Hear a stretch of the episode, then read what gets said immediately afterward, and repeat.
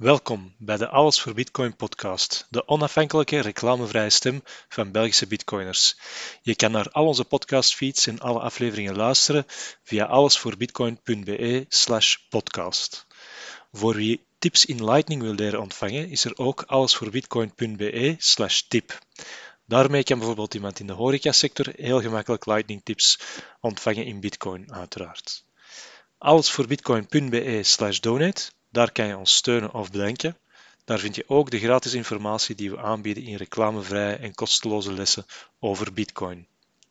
Volg ons op Twitter via @avbpodcast en ontdek meer online op allesvoorbitcoin.be/contact. Het is vandaag 27 november 15 anno Satoshi. De blokhoogte is 818.695 en voor 1 bitcoin betaalt u 33.876 euro, oftewel 37.084 US dollar. Daarmee kunt u ongeveer 7.774 Big Macs kopen.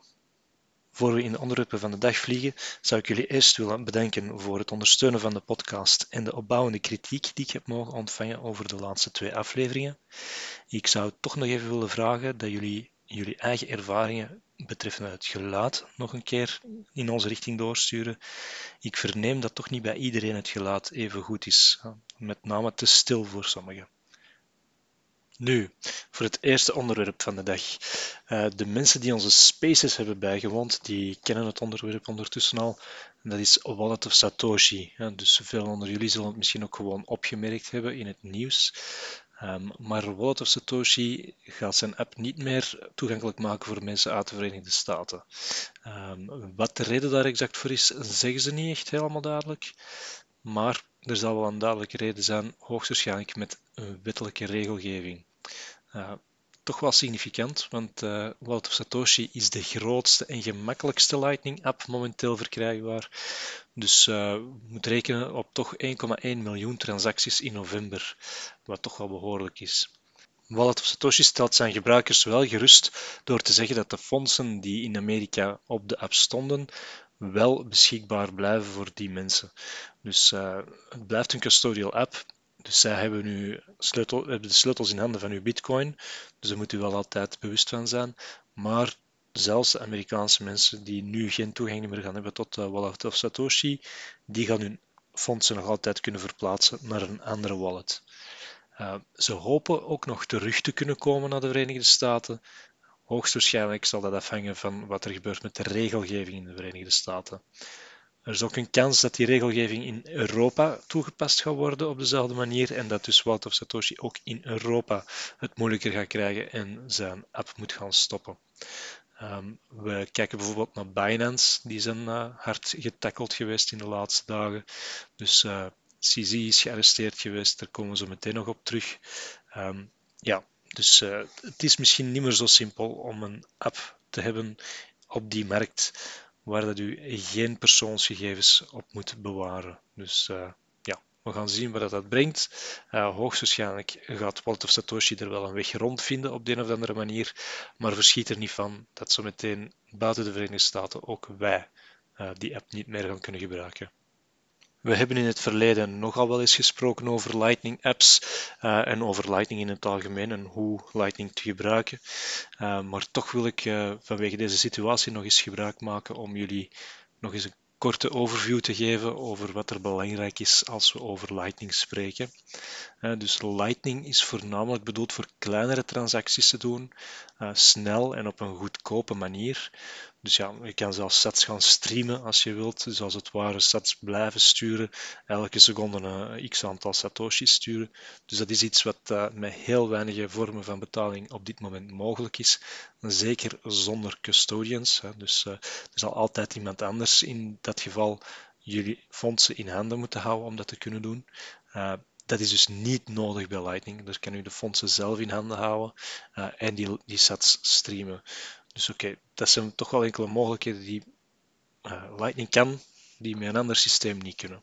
Uh, maar de fondsen, die houdt u dan weer bij in een portemonnee. En het is best om die portemonnee niet te groot te houden. Uh, waarom? Het is minder veilig. Hè? Dus uh, voor kleinere bedragen is dat oké.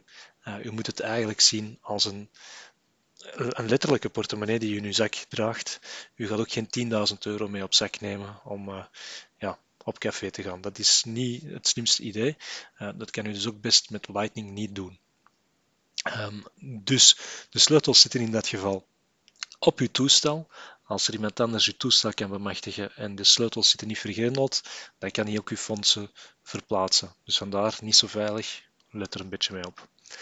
Uh, het hoeft niet per se een probleem te zijn, omdat het inderdaad bedoeld is voor kleine bedragen, maar wees u er toch van bewust. Je kan ook Lightning gebruiken via uw eigen node. Uh, dat is waar. Hè? Dus dan staan uw sleutels op uw node. Dat is ook uh, al iets veiliger. Maar zelfs daar kan u uw sleutels niet beschermen met een cold storage of met een hardware wallet. Uh, nee, dat zal altijd een hot wallet zijn. Uw node is op die manier verbonden met het internet. Als uw node op de een of andere manier gekraakt kan worden, dan kan de hacker ook aan uw fondsen aan, want de sleutels zitten in het toestel. Het is misschien allemaal niet zo simpel, maar in theorie is het wel mogelijk. in mijn ogen is Lightning vanwege die kleine bedragen dan ook oké om als custodial app te gaan gebruiken.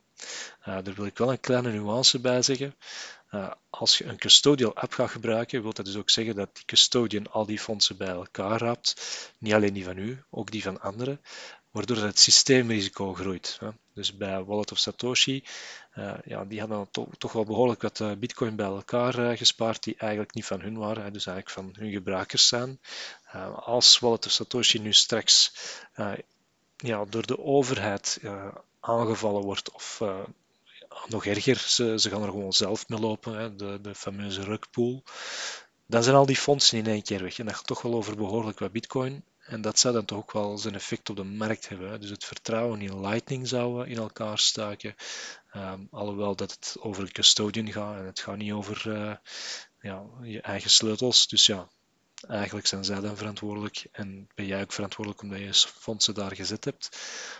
Voor de gemiddelde gebruiker die Bitcoin misschien niet zo goed begrijpt, kan dat echter wel een probleem zijn. Eh, dus dan lijkt het alsof dat die, eh, ja, dat de verantwoordelijkheid bij het protocol ligt en niet zozeer bij zichzelf. Uh, alhoewel dat ja, als je custodians gebruikt altijd jezelf uh, aan de voeten ligt van hun beslissingen. Maar oké, dat is een negatief ding voor Bitcoin op dat moment. Dat gaat toch wel een negatieve weerslag hebben. Dus ja, welke app moet je dan gebruiken? Mag je dan nog wel een custodian app gebruiken? Ja, dat mag wel degelijk, maar let gewoon op welke partij dat je gebruikt. Hè.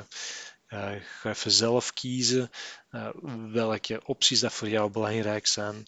Ook wat, wat, is de naam van die, dat bedrijf dat die app heeft geschreven op de markt? Uh, zijn zij te vertrouwen? Hebben zij in het verleden nogal eens iets fout uitgesproken? ja, waar zijn zij nog actief en, en wat is hun origine, origine?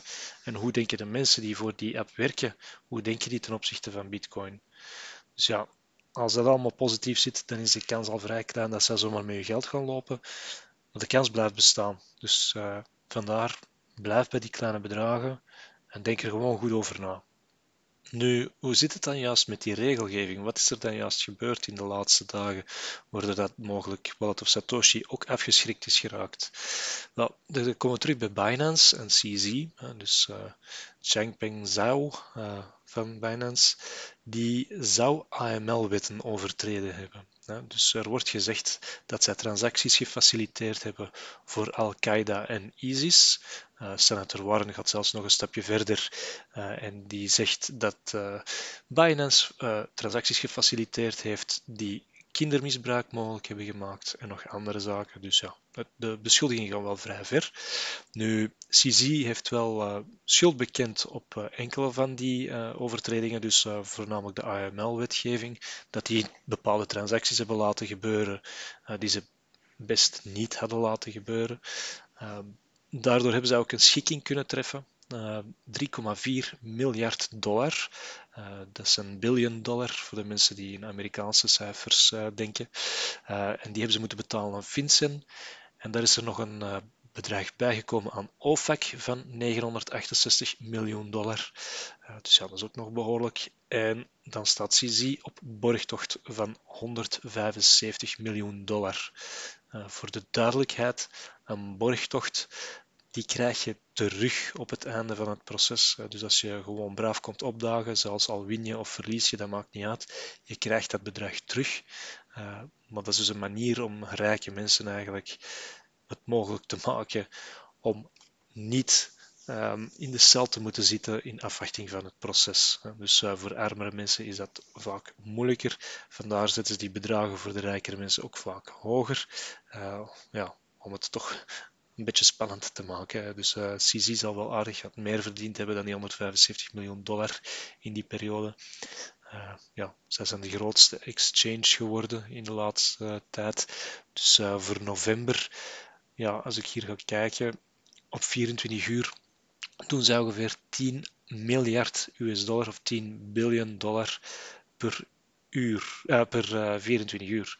Dus ja, dat is heel groot. Ehm, als we dat gaan vergelijken met Coinbase, die een van de vroegere grootste exchanges was, die zitten maar op 1,88 miljard of uh, biljoen dollar.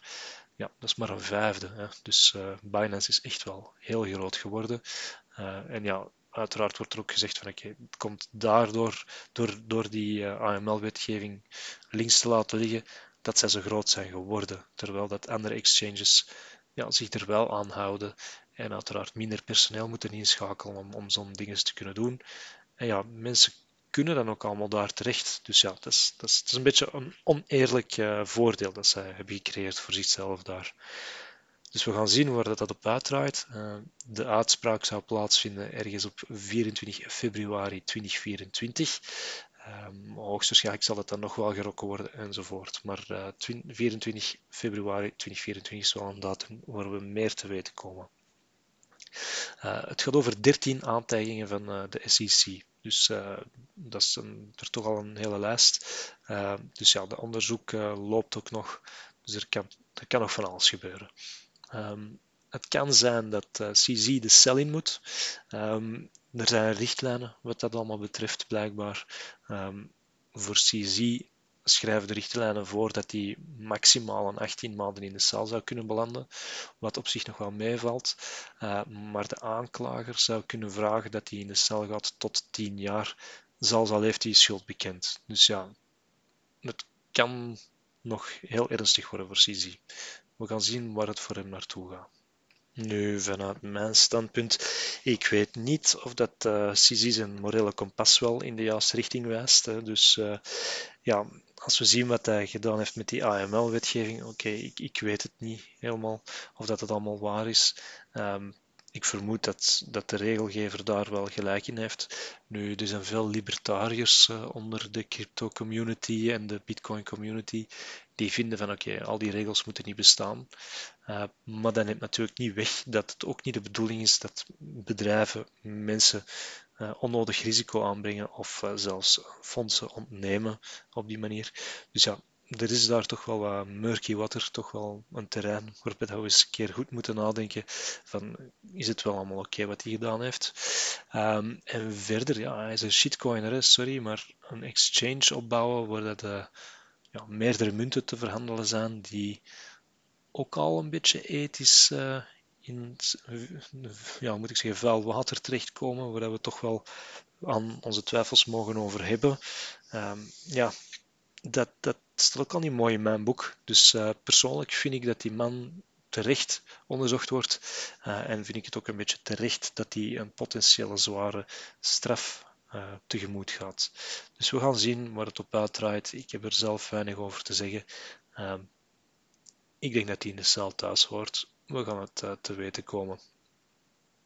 Nu, voor ik afsluit, heb ik nog een klein extraatje voor jullie. Um, dit kwam tot mij toen we met de 15 Anno Satoshi, 14 Anno Satoshi die fout hadden gemaakt daar in oktober. En dan dacht ik bij mezelf, oké, uh, we gaan eens even uitspitten wat voor Bitcoin feestdagen dat er nu allemaal juist bestaan. Hè. Dus dit is even een, een luchtiger topic, minder droge informatie, maar meer ja, leuke weetjes over Bitcoin. Um, dus de Bitcoin feestdagen. Hè. Dus we gaan die chronologisch aflopen, dus we beginnen in januari. En dat wil dan natuurlijk ook zeggen dat die datums soms heel raar gaan lopen, omdat er ja, feestdagen zijn uit 2008, er zijn feestdagen uit 2009 enzovoort enzovoort. Uh, maar we gaan dus niet naar jaartal kijken, we gaan enkel naar de maand kijken, uh, zodanig dat we ook weten wat we in de kalender moeten gaan zetten. Dus we beginnen in januari. Dus 3 januari of Genesis Day, ook wel Proof of Keys Day. Ja, dat is de dag dat Bitcoin gelanceerd is geweest. Dat is ook de dag die Trace meer in de tijd uh, gecoind heeft als de dag waarop dat we allemaal gaan bewijzen dat we onze bitcoins zelf in handen houden. Ook wel bekend voor het Times-artikel van 3 januari 2009, Chancellor on brink of second bailout for banks, die ook in de Genesis-blok vermeld staat. Dus dat is toch wel een hele voorname dag. De volgende die eraan komt is 12 januari 2009. Op die datum heeft de eerste transactie plaatsgevonden op het Bitcoin-netwerk. dus dat is kort nadat uh, ja, de, de blockchain gelanceerd is geweest. En die transactie die ging van Satoshi naar Halfini. dus dat is uh, ja, toch wel twee namen die dat we heel goed kennen ondertussen. Op 24 februari uh, ging Mt. Gox offline. Dat is in 2013 zitten we nu dan. Dus ja, oké, de jaartallen. Maar wel in februari, 24 februari, is Mt. Gox offline gegaan. 25 maart Moscow Time. Voor de mensen die niet weten wat Moscow Time is, die moet je zeker eens opzoeken. Dat is een leuke, die heeft met Jack Dorsey te maken. Uh, hilarisch. Uh, 24 april 2024, dat is de geschatte vierde halving datum. Dus uh, die datum staat niet vast. Dat kan nog een beetje afwijken van de bloks vanaf. Maar die wordt dus geschat op 24 april. We gaan zien dat gaat voor ons wel een belangrijke zijn in de nakomende periode. Dus uh, ja, voilà. die heb ik er dan toch ook maar tussen gezet. 26 april 2011, dat is de Satoshi verdwijndag. Dus op die uh, datum is Satoshi gestopt met uh, te posten en ja, mee te werken aan het Bitcoin-netwerk. Dan gaan we voort naar 22 mei 2010. Uh, die mensen, uh, de meeste mensen gaan die datum misschien ook wel kennen. Dus 22 mei 2010 is Bitcoin Pizza Dag. Dus uh, die kan ik wel heel kort vertellen. op die dag zijn er 10.000 bitcoin betaald geweest voor twee large pizza's. Nu, we moeten dat wel een beetje kaderen. Dat is in 2010 geweest, dus dat ging over twee pizza's die toen 41 dollar waard waren. Uh, en die 10.000 bitcoin die waren toen maar 25 dollar waard. Dus eigenlijk heeft die man uh, toen minder betaald voor zijn pizza's dan dat ze eigenlijk kosten. Dus uh, oké, dus dat is ook wel een leuk gegeven. Dan zitten we al in augustus. Dus op 1 augustus 2017 vond de UASF plaats, of Bitcoin Independence Day, uh, de User Activated Soft Fork. Uh, ja, ik ga daar niet te diep in duiken, maar dat is ook wel een belangrijk gegeven in de Bitcoin-geschiedenis. Dan op 18 augustus 2008 werd bitcoin.org geregistreerd als domeinnaam. Dus ja, dat is nog voordat de blockchain gelanceerd werd, uiteraard. Uh, is dit de oudste datum in, ons, in onze Bitcoin feestdagen kalender. Dan 21 augustus 2021 was Bitcoin Infinity Day. Uh, niets houdt u tegen om dat elk jaar opnieuw te vieren, maar 21.8, als je de 8 natuurlijk een kwartslag draait, dan lijkt dat op het symbool van oneindig. Uh, dus ja, 21 van 21 miljoen bitcoin, 21, 8 2021. Ik denk dat niemand daar hard over moet nadenken, maar dat is dus Bitcoin Infinity Day. 7 september 2021. Op die datum werd Bitcoin legal tender in El Salvador. Dus niet wanneer dat de wet voorgesteld is geweest, maar wanneer dat effectief in, in uh, gang getreden is. Uh, dus 7 september. Dus het eerste land dat effectief uh, Bitcoin als legal tender aanschouwt. 31 oktober 2008 hebben we Whitepaper Dag. Uh, dus dan is de Whitepaper gelanceerd geweest op 31 oktober. Dat is wat de belangrijkste dag, denk ik, in heel deze kalender. Um, staat ergens helemaal achteraan in de lijst, ja, omdat in oktober is natuurlijk.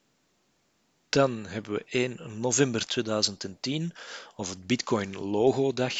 Dus op die dag werd er op Reddit het eh, Bitcoin logo gepubliceerd als voorstel voor te gaan gebruiken.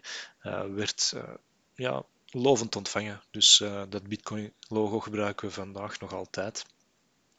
En dan op 18 december 2013 hebben we Hoddeldag. Dus iemand die uh, in benevelde toestand op Reddit bezig was, heeft toen voor de eerste keer het woord hoddle gebruikt. Uh, dat zijn alle dagen die ik genoteerd heb als Bitcoin-feestdagen. ik weet dat er nog wel meer zijn, maar oké, dit zijn de voornaamste wat mij betreft. En dan komen we toe aan de Lightning feestdagen. Dus Lightning heeft ondertussen toch ook wel een paar belangrijke data gehad. Dus 18 januari 2018 dat is de eerste echte transactie geweest over Lightning. Dus oké, een beetje in lijn met de Bitcoin-transactie, de eerste. Uh, dan 14 januari 2016, het whitepaper van Lightning. 19 januari 2019, uh, de Lightning Network Torch uh, door Hodlonaut is toen van start gegaan. Dus die heeft ook wel heel wat prominente figuren binnen de Bitcoin space bereikt. Voor eigenlijk aan het grote publiek duidelijk te maken dat Lightning werkt nu en dat het eigenlijk geen beta systeem meer is, maar dat het echt gewoon bruikbaar is voor de gemiddelde gebruiker. Uh, dus ook, wel een prominente dag. Dan 25 februari 2018, de Lightning Pizza Day. Ja, iemand heeft Laszlo proberen na te doen met de Bitcoin Pizza Day. Uh, en ze hebben dus een Lightning Pizza Day gedaan. Oké, ook wel een leuke. Zo, dat zijn ze, de voornaamste Bitcoin-feestdagen. Ik hoop dat jullie er een beetje van genoten hebben. Dit is het uh, einde van deze aflevering. Ik ga zo snel mogelijk aan de slag met de volgende. Dus uh, als jullie onderwerpen voor mij hebben, mogen jullie mij altijd toesturen. Dan zal ik die trachten mee in te voegen in de podcast. Dan wil ik jullie nog bedanken voor het luisteren. En dan zien jullie binnenkort de volgende aflevering verschijnen op jullie favoriete podcast-app. Alvast het beste en tot de volgende keer.